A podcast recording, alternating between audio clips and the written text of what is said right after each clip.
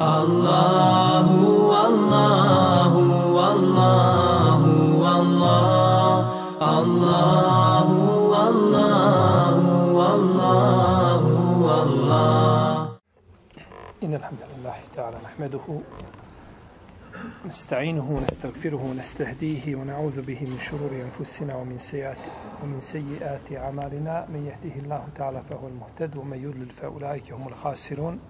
واشهد ان لا اله الا الله وحده لا شريك له واشهد ان محمدا عبده ونبيه ورسوله وصفيه من خلقه وخليله ثم اما بعد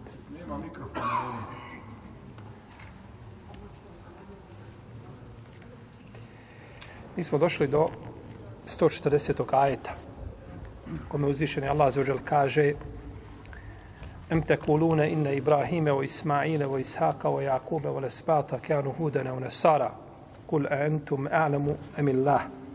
ومن أظلم ممن كتم شهادة عنده من الله وما الله بغافل عما تعملون.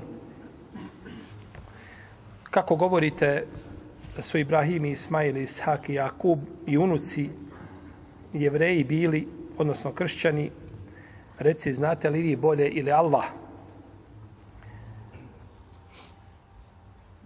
Zar ima iko nepravedniji od onoga koji iskrenu, istinu skriva smatrajući da je od Allaha? A Allah motri na ono što vi radite ili znajući da je to od Allaha. Istinu skriva, a zna da je od Allaha.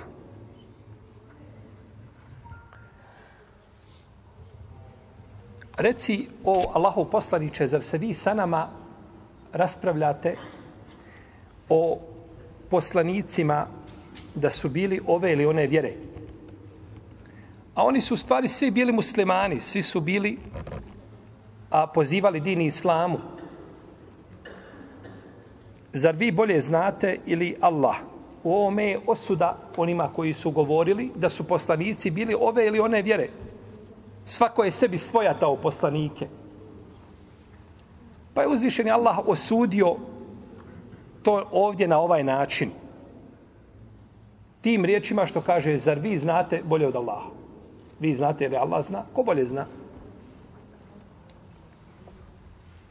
Znači nisu bile ni jedno ni drugo a ima li nepravednijeg onoga, od onoga koji istinu skriva, znajući da je došla takva od Allaha.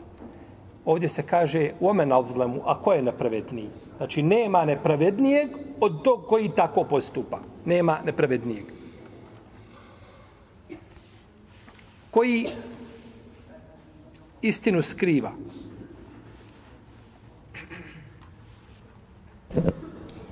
misleći ovdje po jednom tumačenju da su bili poslanici na islamu, da su bili muslimani, da su pozivali znači čistom monoteizmu, a neki učenjaci kažu skrivanje osobina i svojstava opisa poslanika sa osanem koji su došli u ranim knjigama. Iako je prvo spomenuto više odgovara samom kontekstu. Da se misli na šta?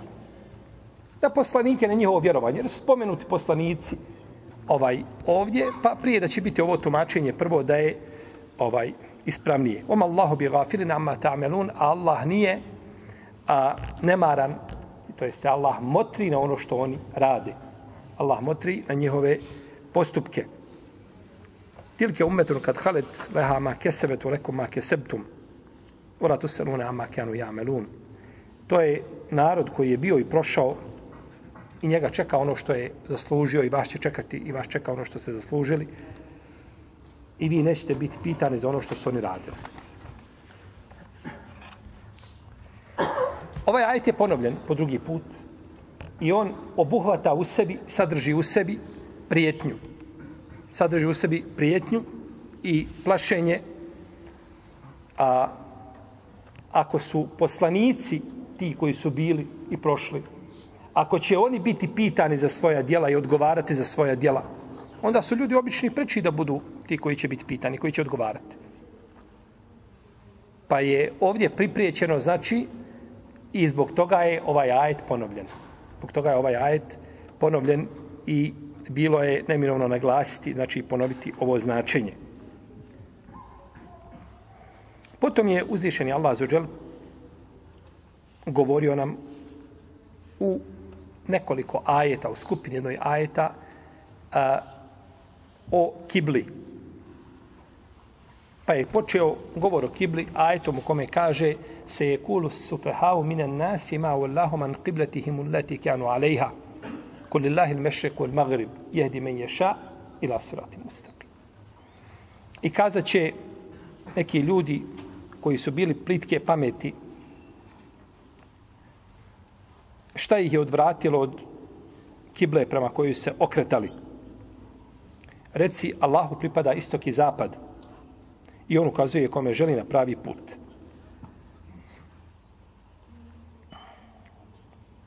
Reći će malo umnici od ljudi. Sefih je onaj koji ima a, nedozrelu pamet.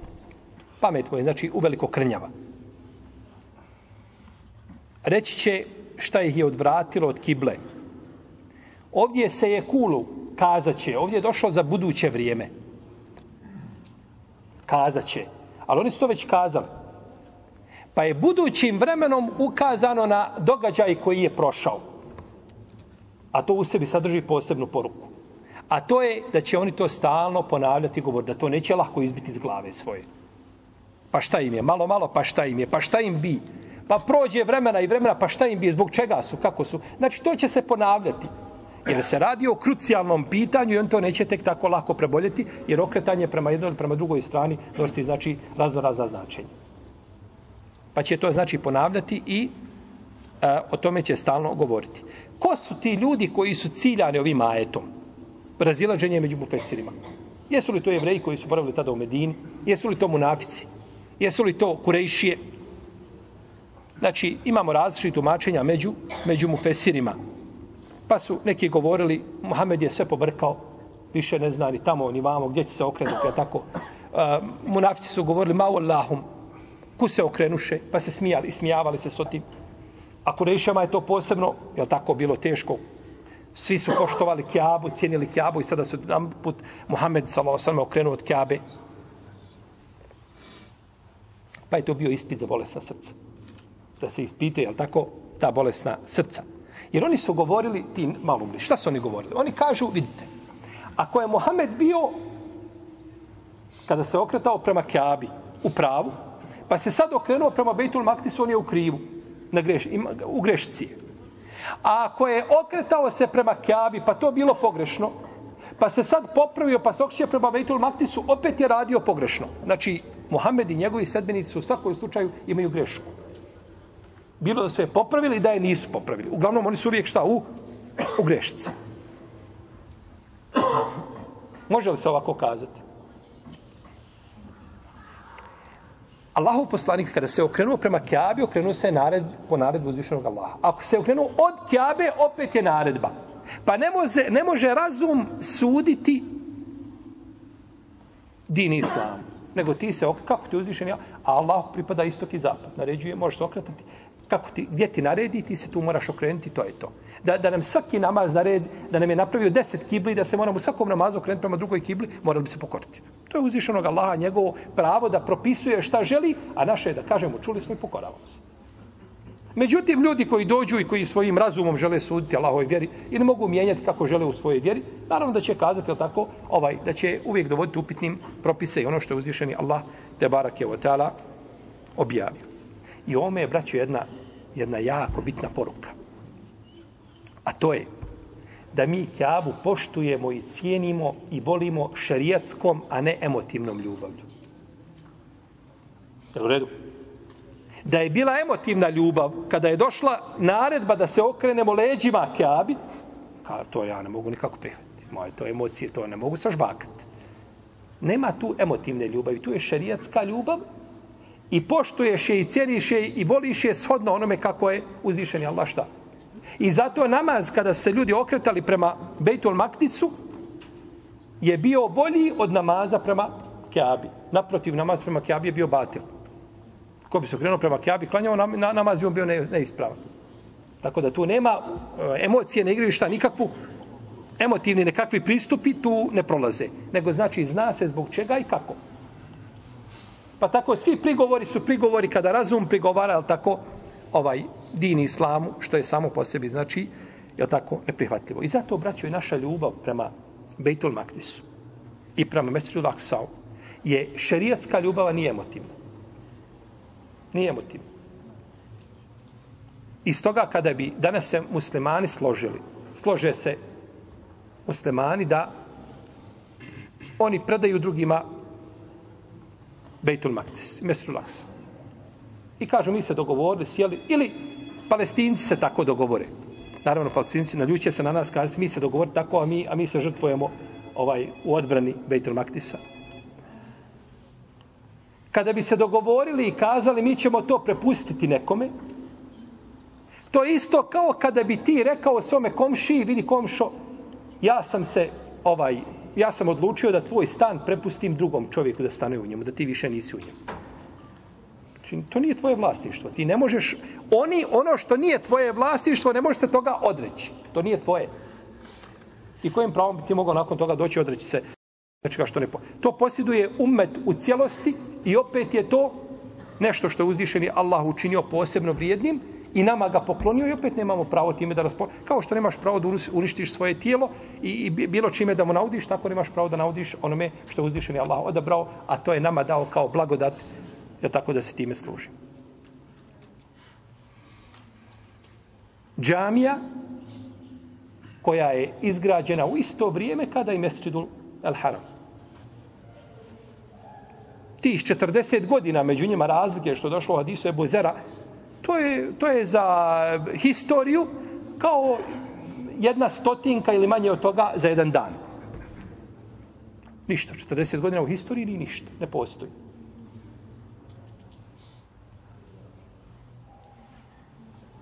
Pa se niko nema pravo odreći džamije, znači koja je a, prva džamija ili ujedno napravljena s prvom džamijom neposredno nakon nje i postavljena na zemlji da se uzvišenje Allah obožava i gdje je dozvoljeno čovjeku da, da posebno pribavi sebi jahalicu ove ili one vrste i da ode radi ibadeta. Čovjek može otići u drugu džamiju nekakvim drugim motivom i povodom, ima lijepo predavanje, može otići hiljadu kilometara radi predavanja ako mu se ide i da posluša da se vrati u tu džamiju. Ali ne smije tamo ići radi ibadeta. Smatrajući da je tamo ibadet vredniji u druge džamije. A za ovu džamiju smiješ otići. Nalazi se u blagoslovljenoj zemlji, na blagoslovljenom mjestu i posjeduje je blagoslovljeni ummet. Allah je dao tom blagoslovljenom ummetu, ummetu Muhammeda s.a.v. kakav se nije na zemlji pojavio i neće se nikad pojaviti ummet poput ovoga. Elezi barak na haulahu. Bereket. Ođalna bejnehum o bejnel kura التي باركنا فيها قرى ظاهرة وقدرنا فيها سير سيروا فيها ليالي وأيام نامنين Uzvišen je Allah u drugom ajetu kaže i učinili smo između njih i mjesta koja smo blagoslovili vidna mjesta koja su bila tu. A mjesta koja su blagoslovili ovdje su mjesta Šama. I kaže uzvišeni Allah azza wa jal وَنَجَّيْنَاهُ وَلُوطًا ila al-ardi allati barakna fiha lil alamin. I kaže mi smo izbavili njega i Luta Ibrahim alejselam i Luta u zemlju koju smo blagoslovili svjetovima. Zemlja Šama. I kaže uzvišeni Allah voli Sulejmana riha sifete teđri bi emrihi ilal ardi leti barakna fiha wa kunna bi kulli shay'in alimin.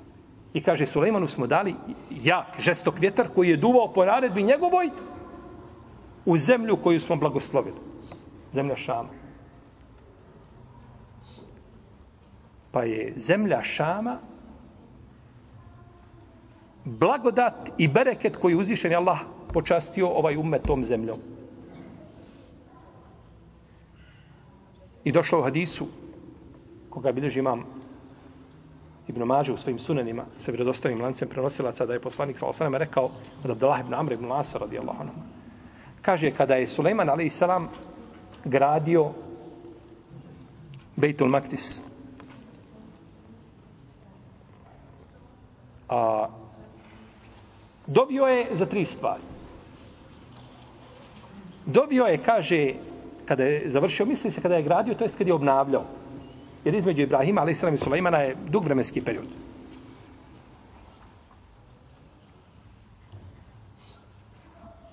Kada je, kaže, završio sa gradnjom Betul Maktisa, dobio i rekao, rekao, es'eluke Allahumme inni es'eluke hukmen yusadifu hukmek.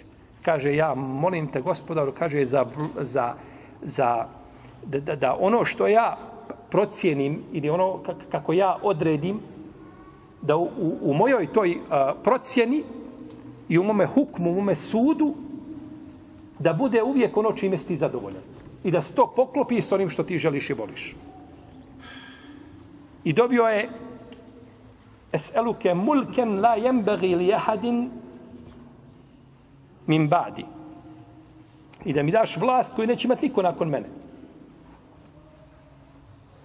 I dobio je treće, kaže wa alla yadkhula ahadun hada al-masjid la yuridu illa as-salata fihi illa harađe minhu ke yawmi voladet ummu kaže da kogod uđe u ovu džamiju i neće ne ulazi u nju nego zbog namaza u mesdžidu Laksa kaže da iziđe iz nje kao na dan kada ga je majka rodila.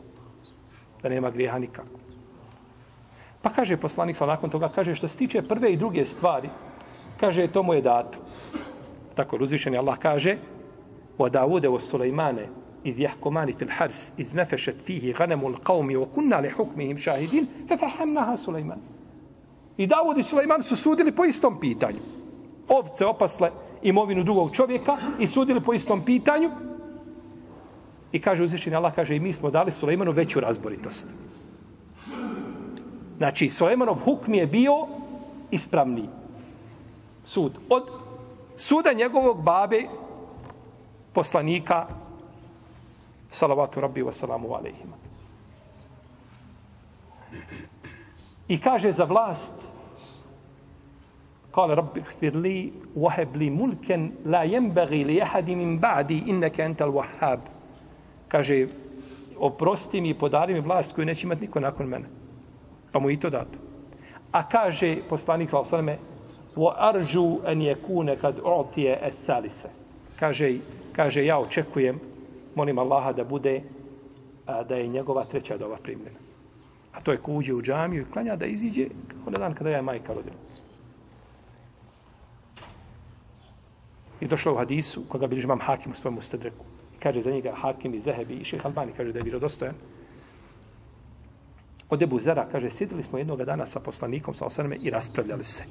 U stvari kaže, mi smo se, e, ovaj, e, tu smo razgovarali o znanju, o nauci, kaže, pa smo između ostalog spomenuli i pitanje čija je džamija bolja? Džamija poslanika, sallallahu sallam, ili džamija Mesud Laksa? Koja je bolja? Pa je rekao poslanik, sallallahu sallam, kaže, namaz u ovoj mojoj džamiji je bolji od četiri namaza u njemu. U Mesudu Laksa. Četiri namaza. Znači, biva 250 namaza, a ne 500, kako je poznato među ljudima. Kažu, Mesir Laksao, 500. Ne, nije 500. Hadiso 500 su daiv, svi. Ispravno je da je 250. Kako došlo ovome hadisu? I kaže ovako, doće vrijeme. Kaže dalje poslanik sa ovome hadisu. Kaže, doće vrijeme. Kada će čovjek koji ima a,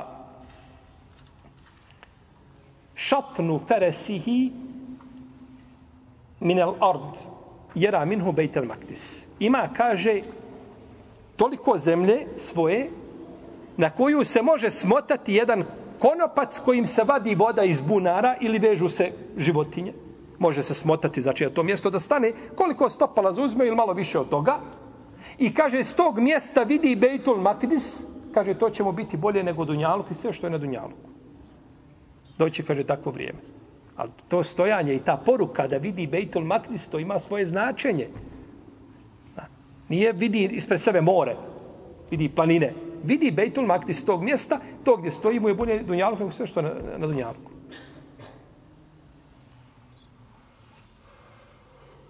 Pa je naša ljubav prema Bejtul Maktisu šerijatska.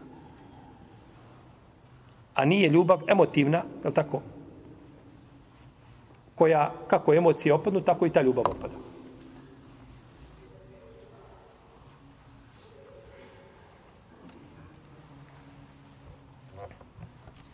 Pa je uzvišen Allah zađer zamijenio tu kiblu drugom kiblu. I pogledajte, mudrosti u tome je da Meka bude kibla. Možeš doći u to mjesto, u bilo koje doba godine skinuti svoju odjeću kompletnu, samo uzeti dva platna i da, da ti ne šteti. Na bilo kom drugom mjestu da se tako našao, ovaj, vidio bi kakvo je stanje i kakav je hal. Tako. Pa je uzvišen Allah to učinio, kažu neki ovaj centrom zemlje, doćemo do toga narednom majetu, je li centar zemlje ili nije centar zemlje, ovaj, sodno šerijetskom mjerilu. A nauci je ostavljeno da ispituju i da istražuju, to je njihovo. I kaže se da Meko nikada nije potres zadesio. Tako neki kažu, međutim, ovaj, koliko sećam da je bilo nekakvih uzdrmavanja u Meki, tako da ovaj nije bilo, kažu nije bilo, nije nikada stanovnici Mekke nisu nikada, nije nikada zemlja progutala. Nije nikada, znači, bilo potiranje stanovnika Mekke. Može biti osoba kažnjena, ali stanovnici Mekke ne. Tako da je Meka, znači, posebno mjesto.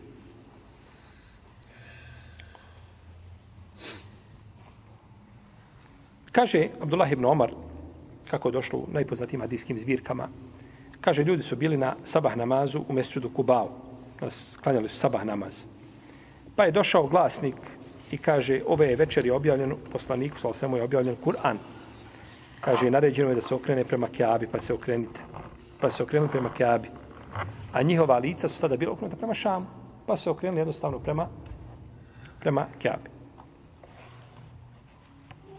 I došao kod Buhari kod muslima od Bera ibn Aziba radijallahu ta'ala anhu da je poslanik sa osanem okretao se prema Bejtul Maktisu 16 ili 17 mjeseci. Potom mu je naređeno da se okrene prema Kjabi. A volio je da, da bude okrenut prema Kjabi. Pa je prvi namaz koji je klanjao, klanjao je Kindiju namaz prema Kjabi. Pa je izišao čovjek i došao do jedni do, do ljudi koji su klanjali, a bili su na ruku i kaže, svjedočim, kaže da je poslanik, sa osam naređeno da se okrene prema Kjabi. Pa se okrenuli prema Kjabi. Ovdje se spominje a, i Kindija namaz, da je bio prvi namaz koji, koji su obavili muslimani prema Kjabi. Dok se u jednom rivajetu spominje sabah namaz. I to je mjeseče do Kuba. Jer me, stanovnici Kuba su tek naredni dan saznali za promjenu kible. A kaže se da je poslanik sa osnovim klanjao a, podne namaz u mesčidu Beni Seleme. To je sad onaj mesčidu Kiblateni, što se zove. Pa da je tu došlo do promjene u namazu, pa prvi namaz koji je klanjao prema Kjabi bio je u, u njegovoj džami, salosaleme, i Kindija, a ovi ste onda to kasnije čuli ujutro, mjesečno do Kuba, kasnije znači čuli da je došlo do promjene čega? Do promjene, znači, kible. Pa se promijenili, pa neki učinjaci kažu da su, jer pazite, kada se okrenu, imam, dođe na, na kraju, žene budu napred, na početku džami onda. Pa moralo se sve to rotirati tako. A, da, da prođe sada na mjesto gdje je kibla, posle njega onda muškarci, posle toga, je tako, ovaj, eh, ko? Djeca i žene kako već ide poredak, tako kako došlo u hadisu, e, Šehre ibn Haušaba, jako je daif, ovaj, e, taj poredak, jel, on je, on je mm, u hadisu je došlo kod imama Ahmeda i kod imama Nesa, i on nije vjerodostojan. Pa se morali svi rotirati. I nije to napravo nikakvu zbrku da su kazali ja, da je neko rekao da sava, vallahi ne znam kako sam klanio i šta sam klanio. Fina maza. Zamijeli se, nikakvih problema nema. I ovo znate danas kada dođe negdje, kada malo odstupa kibla od, od, od, od, od, ovaj, od, pravac kible malo odstupa i kaže ljudi malo ima odstupanja. Treba ovako okrenuti. Može rat biti. A sahabi su okrenuli za 180 stepeni bez ikakvih problema. Jedan čovjek došao bi, može kaže, živ bio, idi ti prvo, idi prvo ospavaj. Istuširaj se, osvježi se malo. Možda si tako, možda si pobrkao, možda si... Jedan čovjek došao obavijestio, cijela džamija okre... I nikakvi, niko nakon toga nije, ne znam da je prenio, i bila je zbrka po džamiji, bi, bi, bi, i čuli se glasovi, i ništa. Završen namaz i kao da ništa nije bilo. E, tako bi din islam trebao da izgleda kod, kod vjernika. Da ga tako, jer došao je kao milost, a nije došao da te, da te ovaj, u bilo kom e, uh, pogledate opterete. Nego su ljudi ti koji opterećuju sami, sami sebe. Pa se kaže da je prvi koji je klanjao prema Kjabi tada bio Said ibn al-Mu'alla. Ako sjećate Said ibn al-Mu'alla, mi smo o njemu govorili kad smo govorili o suri al-Fatiha. Kada je on bio u džami s poslanikom, sa osaname, pa krenuli, kaže, poučit ćete najboljoj suri, kaže u Kur'anu, prije što iziđemo. Pa je spominjao, tako, hadis Said ibn al-Mu'alla. On je došao, je poslanik, sa osaname, držao hutbu prije ikindije namaza, hudbu, ne misli se znači da mora biti, jel tako, nije džumanska hutba, nego obraćao se ljudima, govorio im. Pa su oni to čuli, pa je rekao svome Jaranu, hajde, kaže, da kaže, klanjamo ja i ti, kaže, odmah prema Kjabi, da budemo prvi koji smo klanjali. Tako je došlo kod imama i kod Tabaranije, ovaj, e, i kod El Bezara u Musnedu i drugi, pa su njih dvojica klanjali, kažu da je on bio prvi koji je klanjao. Međutim, je li bio prvi u stvarnosti? Ako je bila promjena u Besjudu Beni Seleme, Besjudu Kibletein. onda je to bilo prije, pa je nakon toga došao poslanik, sam sam pa govorio ljudima prije i Kindije, pa je prvi namaz bio šta prema prema eh, uh, Ikindija, prema, znači prema Keabe. Uglavnom, a, došlo je znači do promjene, jeli, kible.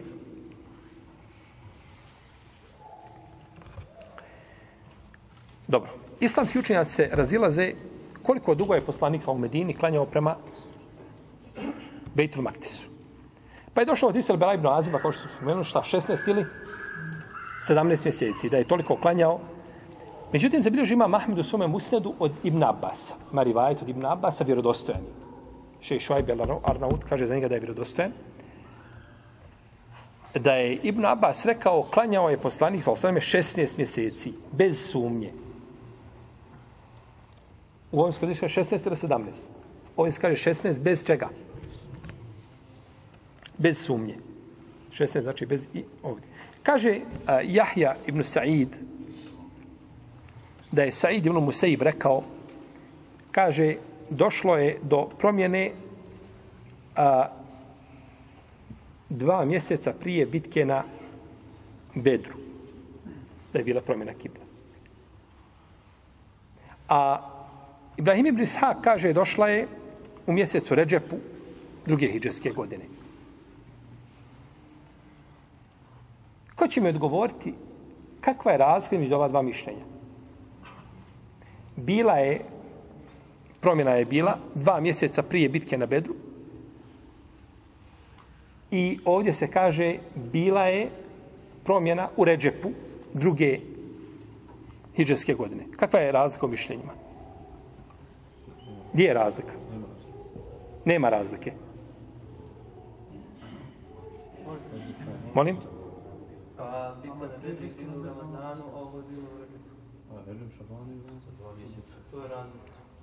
A ovaj je rekao dva mjeseca prije bitke na Bedru. Dva mjeseca prije Ramazana. To je to. Jedno te isto. Nema razlike. Znači, prije, prije Ramazana imate, znači, ševal. I ovo je bilo u a imate šaban i prije toga znači imate ređep. Tako pa je to jedno te isto. Ibn Hibban kaže bilo je kaže promjena je bila kaže a, nakon 17 mjeseci i 3 dana. Kaže poslanik je Solosreme kaže klanjao od kako je došao u Medinu a 19, 12. ribiola uvola, pa je klanjao, kaže, sve do 15. šabana. Pa je, kaže, bilo ovaj, da je bilo tu 17 mjeseci i 3 dana.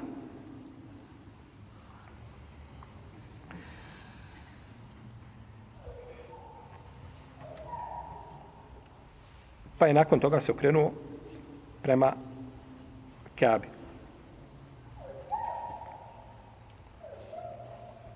Isto se islamski učenjaci razilaze kako je došlo do okretanja prema Bejtul Maktisu.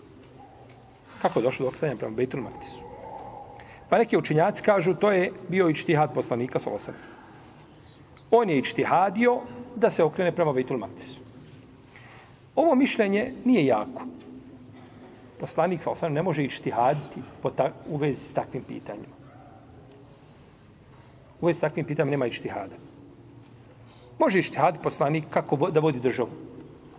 U nekim pitanjima vezanim za rat.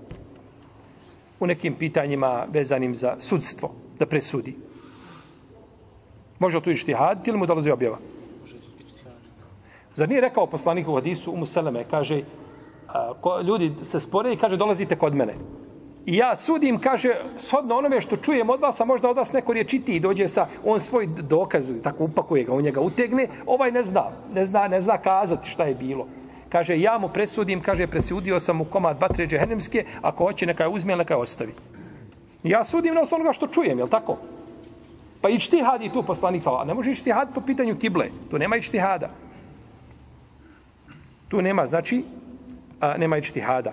O, onda ajet u kome se kaže ovdje وَمَا جَعَلْنَا الْقِبْلَةَ l'deti كُنْتَ عَلَيْهَا i mi nismo učinili kiblu na kojoj si bio. Jasno ukazuje da je poslanik, da je uzvišen Allah da je to od njega odredba. Da to nije znači od poslanika, jeli, sallallahu alaihi wa alaihi wa sallam. Pa je to, znači, ovaj, a, to okretanje od uzvišnog Allaha dar ljudima. I Kažu učenjaci da uzvišeni Allah nije nikada dao ili nije dao nešto našem poslaniku, a da ni slično tome nije dao svome umetu. I o tome koje je najljepše govorio imam Šaltibi u svome dijelu El Muafakat. Ima dijelo koje je zove El Muafakat u šest ovakvih tomova je štampano. Ovo dijelo za njega imam Šaltibi rekao, kaže, ne dozvoljavam nikome da ga čita ko nije dobro naučio vjeru. I valorizaciju mu radio šejh Mešhur Hasan al-Salman. Bio sam jedne prilike kod njega u biblioteci njegovoj, u stvari u kući sam sjedio kod njega i ispričao mi je san vezan za ovu knjigu.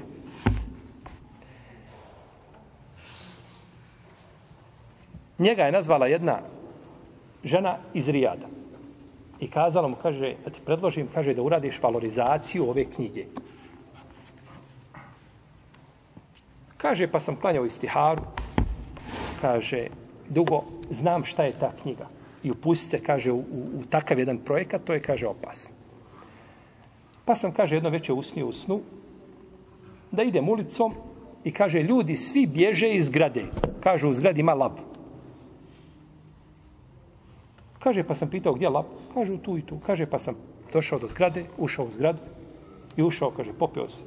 I ušao, kaže, kod lava. Sjeo sam kod lava, pitao ga, kaže, neka pitanja. Kaže, pa mi je odgovorio. Kaže, pa sam se zahvalio i izišao kaj napolje. Kaže, pa sam to protefsirio da je lav, imam šaltibi, autor ove knjige. A da je visoka zgrada njegova knjiga. I kaže, pa sam odlučio se da krenem. Pa je završio i onda je predgovor je napisao šej Bekrebu Zeid, jedan od velikana, koji nije na stepenu ispod Ibnu Baza, Ibnu Sejmina i te elite.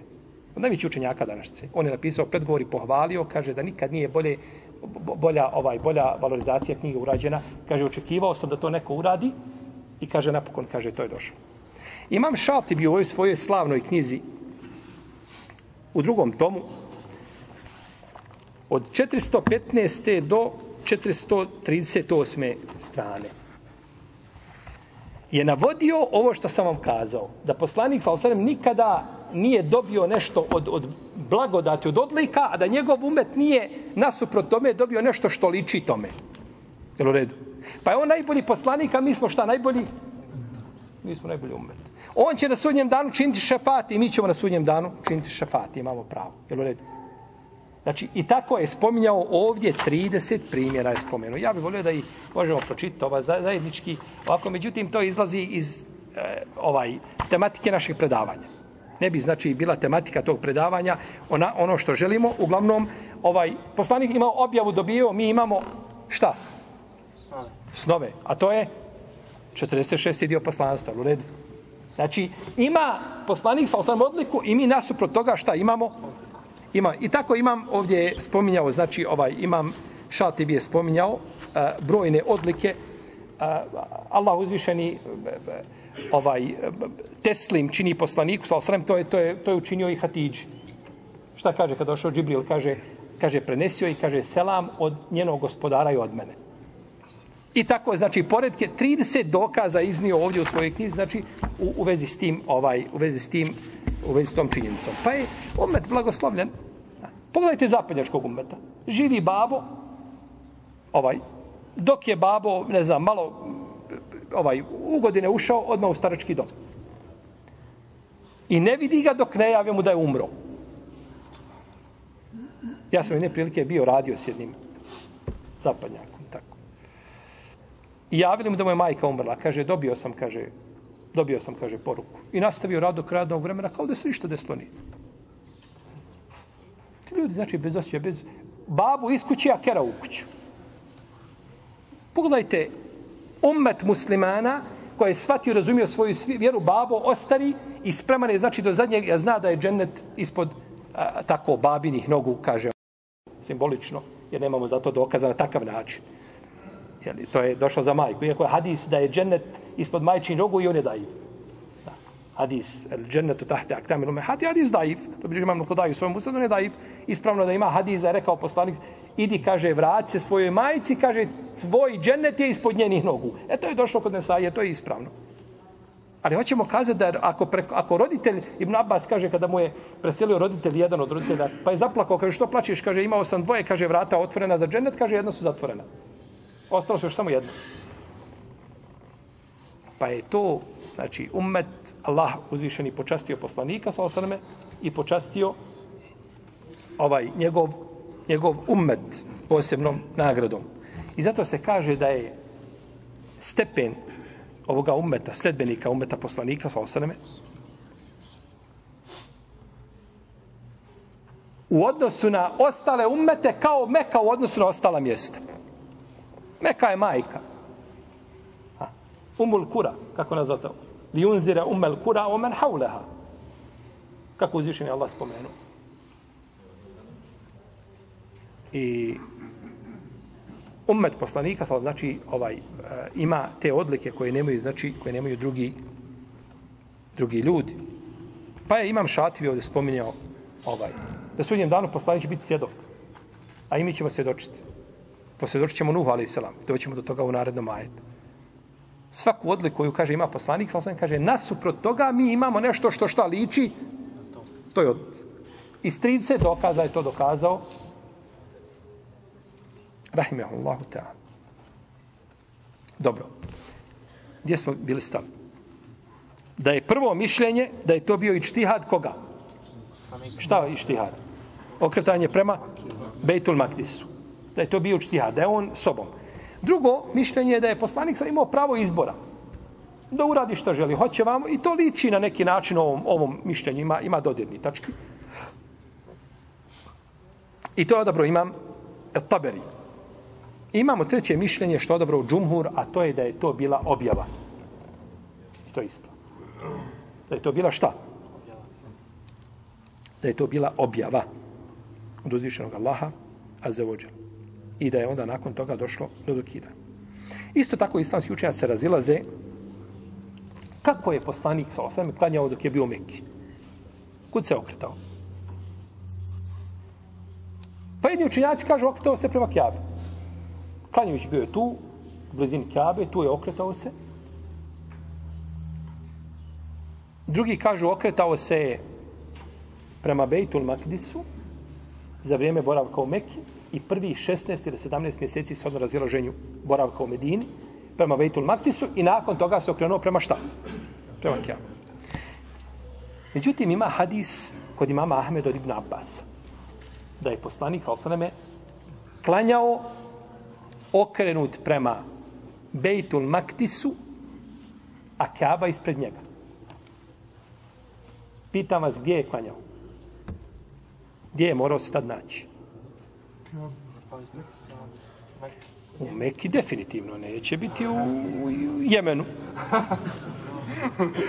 Gdje se je nalazio? A, pitanje precizno.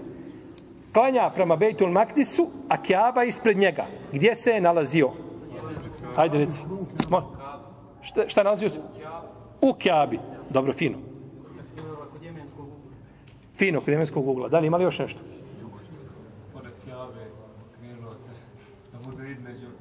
Pa do, fino, ali s koje strane Kjabe je bio? Ja sam rekao da je Kjaba ispred njega. U proširenom dijelu tamo, gdje onaj polukrug, jeli? Dobro, lijepo. Dalje. Šta je? Na brdo Arefat. Super, lijepo. Dalje. Do, bojim se da ćemo doći do Bosne, ali to. Braćo, bio je živ, bil, bio je između jemenskog ugla i, i crnog kamena. Taj dio, on je okrenut prema Jemenu. A druga dva ugla, jedan je okrenut prema Šamu, drugi prema Iraku. I on kada je klanjao, znači bio je Kjaba ispred njega, on je bio u tom periodu, o, imamo odgovor da je bio kod jemenskog ugla, to je bio najbliži odgovor. Bio je, znači, Kaaba ispred njega on, na tom dijelu, na toj strani Kaabe, gdje god da se okrene naprijed, on je okrenut prema Bejtul Maktisu, a okrenut ujedno i prema šta? Šta? Jer da je klanjao u, a, u, Ka, da je, u Mekki kada je bio, da je klanjao prema Bejtul Maktisu, gdje bi njegova leđa bila okrenuta? Kojoj strani Kaabe?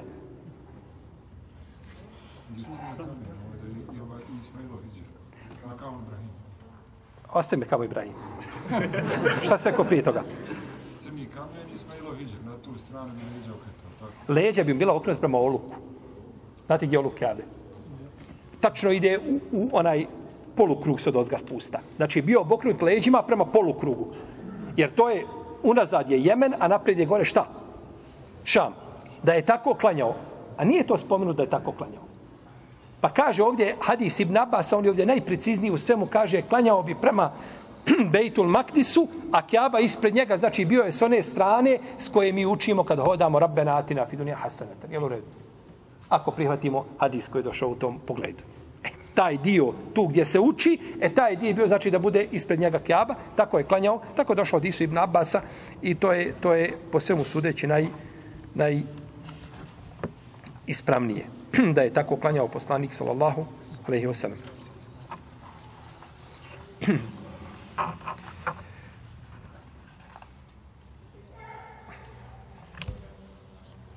Dobro. A, ovdje imamo dalje pitanje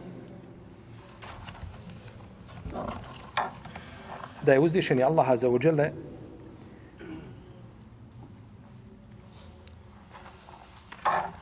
promjena Kabe zašto je bila i kako je bila i ko se je time htio predobiti, to sve pitanja oko koji su islamski učenjaci razilazili i to je sve ičtihad. Nema za to znači ništa jasno od poslanika, sallallahu alaihi wa alihi wa sallam. Neki učenjaci kažu da je Kaaba bila kibla ranijih poslanika, svi, da se okretali prema toj strani. A, u ovom hadisu je, ovom ajetu je dokaz da postoji u islamu nešto zove šta? Dokidanje propisa. U redu.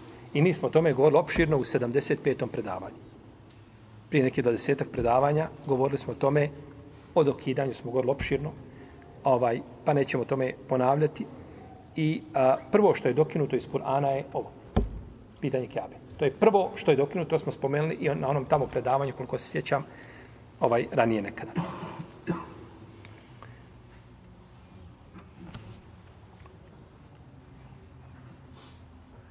Dobro. Je li ovo dokidanje bilo dva puta ili jedan put? Dva puta. Dva puta. Ima drugo mišljenje. Ako kažemo da se okretao poslanik u Meki prema Bejtul Maktisu, onda je bilo jedan put. A kažemo da je u Meki bilo prema prema Kjabi, pa onda prema Bejtul Maktisu, pa onda se vratio nazad, jel tako? Onda bi to bilo, ovaj, ponekad može određeni propis ovaj, uh, biti dokinut više puta, kao recimo muta brak promjena muta braka. O tome smo govorili, znači ovaj, uglavnom ono što je završeno bez razilaženja među ehlu sunnetom je da je to zabranjeno, znači da je to dokinuto. I ovom hadi, ajeto je dokaz da a, dokidanje smo govorili da, da samo da je ehlu sunnet složeno, samo jedna mala skupina iznimno nekako mišljenje koje nema nikakvu težinu, kažu da toga, znači da, da, da ne može biti znači dokidanje. A, u ovom a, ajetu je dokaz da Kur'an može dokinuti sunnet. Da Kur'an šta može dokinuti? Ko će mi kazati kako je to dokaz?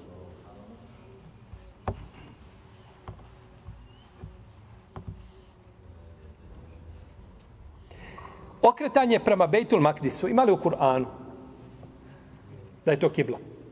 Jel nekad neko uspio pročitati ono u Ramazanu kad čitamo Hatmu i ono? Jeste uspjeli naći negdje ajet koji govori o okretanju prema, i okreni se prema Bejtul Maktisu, mjestu Dulak Sauda? Znaš? Nema. Okretanje prema Bejtul Maktisu došlo u sunnetu. Jel u redu? A okretanje prema Kjabi je došlo gdje? Kur'anu. Pa je Kur'an dokinuo šta? Sunnet. I oko toga nema razreda među islamskim učenjacima.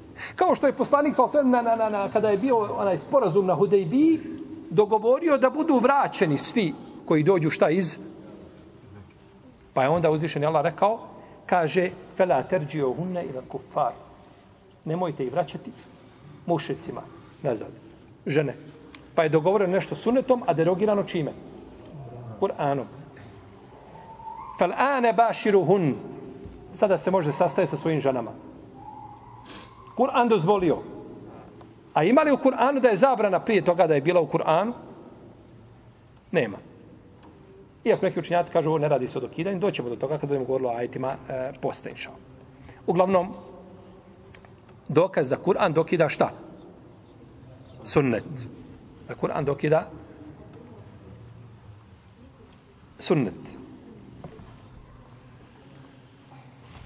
Isto tako primili su vijest jednog čovjeka koji je došao, kako je došlo u mjesecu do Kubao i po njemu radili, iako je okretanje, znači bilo poznato ovaj prema jeli, Bejtul Makdisu, pa su promijenili sve to, iako je došla vijest jedno od jednog čovjeka.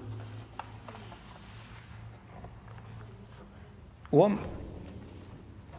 u ovoj, ovoj pričama, što se tiče Kibla, je dokaz da čovjek, ako ne zna za dokidajući dokaz, on radi po onome što zna. I njegov postupak je ispravan. Za razliku učenjaka koji kažu ne, promjena je, dok je promjena došla i e, to obuhvata i njega, iako nije šta? Iako nije znao. Gdje ovo dolazi do izražaja? Šta je ovo bitno? Ja nisam znao, u svakom slučaju nema grija, nisam znao da je to dokinuto. Ali gdje dolazi do izražaja? dolazi do izražaja u slučaju kad se obave i badeti u stanju kada je do, dokinuto i posle toga obaviš određene ibadete i saznaš za dokidanje, jesi li dužan da ponoviš te ibadete ili nisi. Oni koji kažu on obožava Allaha shodno onome što je znao i on nema druge obaveze, on ne mora ponavljati. A onaj ko bi rekao da je drugačije, on morao sve te ibadete, on nema grijeha, ali bi morao sve te ibadete šta? Nadoknaditi. E, tu je razilaženje, tu se samo znači vodi ovaj razilaženje jel, među islamskim mužima. Kao recimo, e, vladar smijeni svoga namjesnika. Postavio nekoga za namjesnika i smijeni ga. I dok dođe vijest do njega da on smijenjen, on je izdao tri, tri presude. Šta je s tim presudama? Jer on kada je presudio, ni nije šta bio više, nije namjesnik, gotovo, tvoje više nije validno. Šta ćemo s tim presudama? Ispravno je da te presude uzimaju hukmi propis kao kada je imao, kada je imao znači, pravo da, da, da sudi. I tako, znači, brojna druga pitanja ali, koja se tiču, a, ti opunomoćiš nekoga da nešto uradi za tebe. I uzmeš mu pravo punomoći. Ali on u tom međuvremenu već nešto uradio. Sklopio ugovor u tvoje ime. I dođe ona i kaže, evo ja sam dogovorio, kaže, ne, ne, kaže, ja sam ponuštio punomoć. Kaže, on, nije to on imao. To je kasnije došlo. Šta ćemo s tim ugovorom koji je sklopljen u tvoje ime? Ide. Vidite kako se mogu pitanja tako vezati jedna za druga. Ovaj uvijek može znači nešto naći što je ovaj a,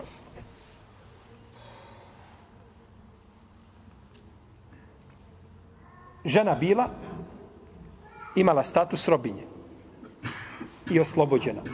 I nije znala da je oslobođena. A klanjala namaz. Klanjala bez mahrame. Jer ona nije kao slobodna. Ona može klanjati bez mahrame. To nema razilaže među To sa Hasan al-Basri samo rekao da, da mora imati pokrivenu glavu. Ostali, pa neki kažu, mustahab kao ta da je pokrije, međutim, nije obavezno. I klanjala pet namaza i kaže ovaj, kaže, e ja sam, kaže, tebe juče oslobodio. Nisi sad slobodna žena, udaj se, živi svoj život. Mora li on te namaze ponoviti? To je pitanje kako pristupiš pitanju. Kako pristupiš pitanju. Je li tako? Sodno razvijel. I takvih je pitanja, znači, mnogo, je tako, koji se vežu. A, čovjek u namazu. Jerhamo kelma. Čovjek u namazu nema odjeće, dovoljno nije pokrio stidna mjesta. Pokrio je nešto, nije sve. I u namazu do, dođe odjeća. Kad neko ide, nosi ogrtač, džube, ogrnu ga, mora li on sad ponoviti namaz iz početka? Ili dovoljno da nastavi? Razilaže mi džulama. Ima Malik i Šafija, kažu ne mora. Ima Mebu Hanife, rahimehullahu ta'ala, kaže mora. To je znači razilaženje ovaj, jeli, među pravnicima u vezi s tim. Kao čovjek ušao u namaz s temumu. Stao, kad na drugom rekiatu čovjek ide i nosi kanister vode. Evo vode. Mora li on sad prekinut namaz pa abdest? Isto razilaženje. Ispravno je da ne mora, ali razilaženje među činjacima je tako poznato. Ovaj. Dobro. Ovdje imamo isto tako pitanje e, prihvatanje pojedinačnih predaja. Prihvatanje pojedinačnih predaja. Kaberul Vahid. Prihvatanje pojedinačnih. Pogledajte kako su ovdje prihvatili ovaj. Došao jedan čovjek i promijenio prenio da je znači došlo do promjene kible i prenio nešto i ljudi su to prihvatili. I tako je bilo cijeli poslanikov sa život i nakon njega uvijek je izlazio jedan čovjek iziđe negdje i poziva ljude. Ovo govorimo zato što ima jedno mišljenje koje nema nikakvu težinu, koje je batil. Znači, nema, ap, apsolutno se ne smije spominjati kao mišljenje koje bi moglo u nekom kontekstu biti ispravno. I kako ne može biti ispravno? A to je da se pojedinačni hadisi ne primaju u akidi akaid muslimana i kažu pojedinačni hadis koji je prenešeni mutevatir pre, ovaj, putevima ne mogu se prihvatiti u akaidu. Samo Kur'an i mutevatir hadisi. A mutevatir hadisa možeš u jednu malu skriptu sastaviti lako. Ovaj. To znači kada bi danas odluči kinezi da prime islam. Kažu kinezi, gotovo je, mi smo stvarno, gledajući ono preko televizije, sve to je, hajte vi nama pošaljite muslimani nekoga, mi ćemo izaći na jedan trg da nas pouči, oni bi nama kazali morate poslati 40 ljudi da budemo tevati. Jer ne može jedan čovjek donijeti nam šta, akidu, ubjeđenje, jedan nam čovjek priča kako da vjerujemo Allah. Mi to ne prihvatamo. Nego mora biti šta? Mora biti mutevatir. Poslanik slao negdje 40 ljudi. Kad su ljudi išli da podučavaju plemena, jesu li podučavali samo fikskim propisima ili akajitskim? Valah ti ne vredi fik bez akide. To je, to je znači prazno. Prvo čemu te treba poučiti jeste da vjeruješ u Allaha i u sudnji dan, i u meleke, i u knjige. Kako da vjeruješ? I onda nakon toga te uči propisima. Je li to poslanik kad bi slao nekoga u Jemen, kad bi poslao Aliju ili Nebu Musaja Lešarija i tako dalje, rekao, idite još nek ide 40 ljudi sa njim ili 30, da, da vas ima jedna grupa da, da, da ljudi prihvate od Osaka, ajde. To nije bilo poznato kod prvih generacija. I to je ono što su, to su mu tezile oživile. I zato im imam Šafija na to odgovarao i imam Ibn Hazmi, tako da li srušili to ubjeđenje. I to je danas mišljenje podu, podupro jedan džemat koji se zove Hizbu Tahrir. Jeste čuli za njih? Bolje vam. A, Hizbu Tahrir, koji je koji to mišljenje? Ne, pojedinačni hadise, ne, dobro, hadis kod Buharije. I umet se složio da je ispravan. Nek se slaže koliko hoće. Umet hadise ne može prije to akidi to rekao neko od, od učenjaka, tako govorio, kažu nije mutevatir.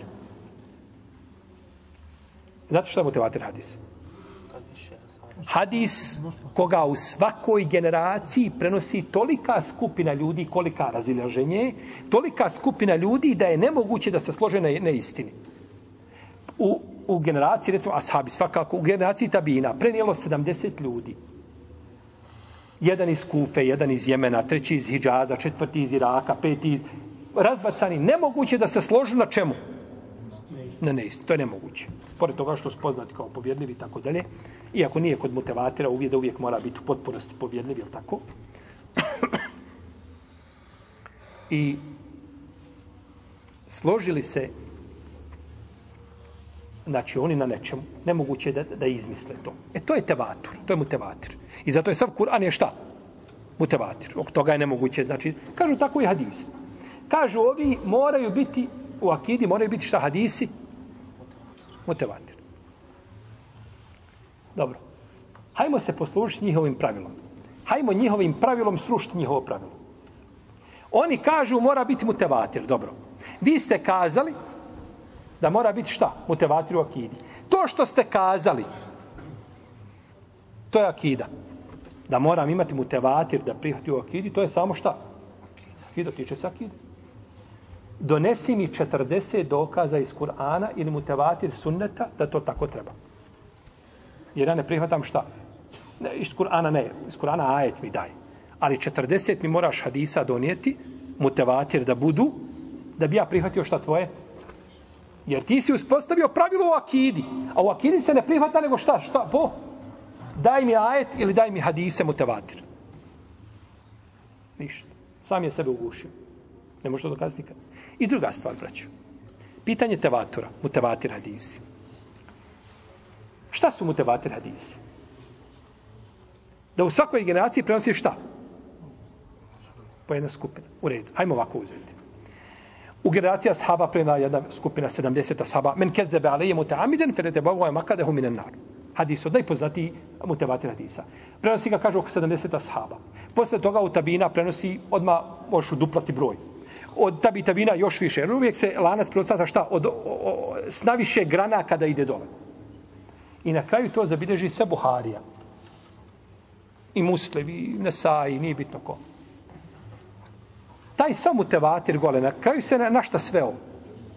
Na pojedince. I nema mu tevatir. Ja kažem, Buharija, ti stvarno Buharija, to bez daljeg. Nije, ne može, ko bi bio Buharija, ako neće biti ti, jel u redu? Ali ja to ne mogu prihvatiti od tebe, Ebu Abdillah, Allah te poživio zato što to ne, nemaš još 70 ljudi sa sobom. I opet smo mu tevatir sveli na šta? Na pojedinačni hadis. I hoćeš za svaki taj hadis naći 40 hadijskih zbirki koji su ga zabilježili? Nećeš. I opet nema motivatora. Pa se opet samog sebe ugušio. Tako, I to je tako, kad čovjek promaši put kojim treba da ide, onda samo upada iz belaja u belaj. Ne može nikada ostati na džadi. Tako da je to mišljenje, znači da, da treba e, mutevater, da mora biti u akidi. Hadis, vjerodostojan, ulema se složila na njemu, došao u akidi, prihvatiš i radiš po njemu kao pitanje propisa. Znači, nema nikakve razlike u tom pogledu. U protivnom, mi nećemo znati a, da je naš poslanik, sa osam najbolji poslanik. Ima, ima li u Kur'anu da je poslanik, sa najbolji poslanik? Ima li u Kur'anu da će imati šefat na sudnjem danu? Ima li brojne muđize koje je spomenuto, nećemo znati za njih? Nećemo znati za opise Meleka, Dženneta, Džehennema, mnoge to opise nećemo znati. Hoćemo li znati da imaju desterica koji ima obradan džennet? Hoćemo li znati da ima poslanik sa osaname svoj haud, svoj izvor na sudnjem danu? Hoćemo li znati da je olovka sve zapisala? Hoćemo li znati da je Allah zabranio zemlji da nagriza tijela poslanika? Hoćemo li znati da ima nešto zove mi'rađ? Ima li u Kur'anu mi'rađ? Dobro, mogu ne reći za oko neke oko ovih stvari imamo tevatir hadisi, ali oko neki definitivno nemaju. Hoćemo li znati mnoge preznake sudnjeg dana? Pojava Mehdija, pojava Deđala, pojava e, Isali i Selam, ako kažemo da Kur'an nije jasan u tom pogledu. Mnoge te stvari nisu došle u Kur'anu, a neke od njih nisu došle u tevatir hadisima. Tako da bi dosta toga, znači, od islamskog vjerovana bilo, znači, ovaj, a, ugašeno jednostavno. Tako. Međutim, ja sjećam kad sam jednom profesor, nešto je tako on pričao, i rekao, kaže, ne primaju se nego tevati radisi. Ja mu kaže, profesor, rekao, onda su, rekao, tri četvrtine, rekao, onda jedna četvrtina naše akide otprilike zamrznuta. Nema je. Akidu predaje. Predaje Akidu 40 godina. Gleda u mene, gleda, kaže, jeste, kaže, ali šta ja mogu? To je bio njegov odgovor. Kaže, jeste, ali šta ja mogu? Ne možeš ništa profesor. To je to. Ti sam se presudio. Ako si ti spreman da kažeš da je jedna četvrtina naše akide ili desetina ili stoti dio akide, nije bitno, blokiran, harp jedan ne fali u akidi, niti u piku, ni u bilo čemu, harp jedan ne fali u din islamu. Jer to bilo krnjavo. Ništa. Samo što možda mi to ne možemo, ne znamo, ja i ti, ali ima onaj ko zna. Pa kaza da jedna, jedan, jedna četvrtina akide da je ovaj zamrznuta negdje, tako, ne možemo raditi po njoj, nema ništa, to je nedaća. I ovom ajetu je dokaz da je Kur'an postepeno objavljena, postepeno spuštan, shodno potrebi. I u tome je posebna, znači, ovaj odlika i korist dok uzvišeni Allah nije upotpunio vjeru. Ali je omek kmeltu lakum dine, komu je temto alaikum ni'meti, u raditu lakum l'islame dina. I Allahu pripada istok i zapad. Istok i zapad, znači sve je njegovo, ono što između toga, okreće ljude gdje hoće, naređuje im da se okrene kako on želi, te barake od. A nije to znači izbor, jeli, izbor ljudi. Jehdi me je šao ila sirati mustaqim i ovome je naznaka da je poslanik upućen na ispravni šta? Upućuje koga želi na pravi put. Znači da je poslanik na tom siratu mustaqimu i svi oni koji ga slede. A siratu mustaqim je, braćo, put koji, put koji spaja dvije tačke, najbliži put koji spaja dvije tačke. Imate jednu tačku ovdje, jednu tačku ovdje. Samo jedan put spaja te dvije tačke najbliže. Može to biti vamo nešto ispod, iza, to može. Ali jedan je put koji spaja te dvije tačke, a najbliži. I koji nema u sebi nikakvih onih krivina i, i ovaj, ne, nego rava. E, to je sirat. I zato ima sirat jedan, nema drugi. Sirat je to i spaja znači te dvije tačke. Pa je uzvišen Allah za dželu putio znači na našeg poslanika, sa osaneme na na pravi put, a time ujedno uputio šta i šta je bilo kada je poslaniku sa osvijem ponuđeno na mjerađu? Šta mu je ponuđeno? Vino, vino i? I šta je? Šta je bilo? Uzeo mlijeko. Uzeo, da je rekao da su uzeo šta vino? Zalutao bi tvoj. Znači umet nije zalutao. Umet je sa posla... Slabi smo, ovakvi smo kakvi jesmo. Slabost je vidna naša. Međutim, slabost koju ti imaš, tu materijalna i tjelesna i tako dalje, ne znači slabost ovaj uvijek imana i vjerovanja uzvišenog Allaha. Možda se nekad iz te slabosti rodi vjerovanje i snaga koja će biti sutra svjetlo da povede čovječanstvo ka, ka, ka hajru i prosperitetu, a ne da, da bude ovako da tone i da, da, da umire i tako dalje.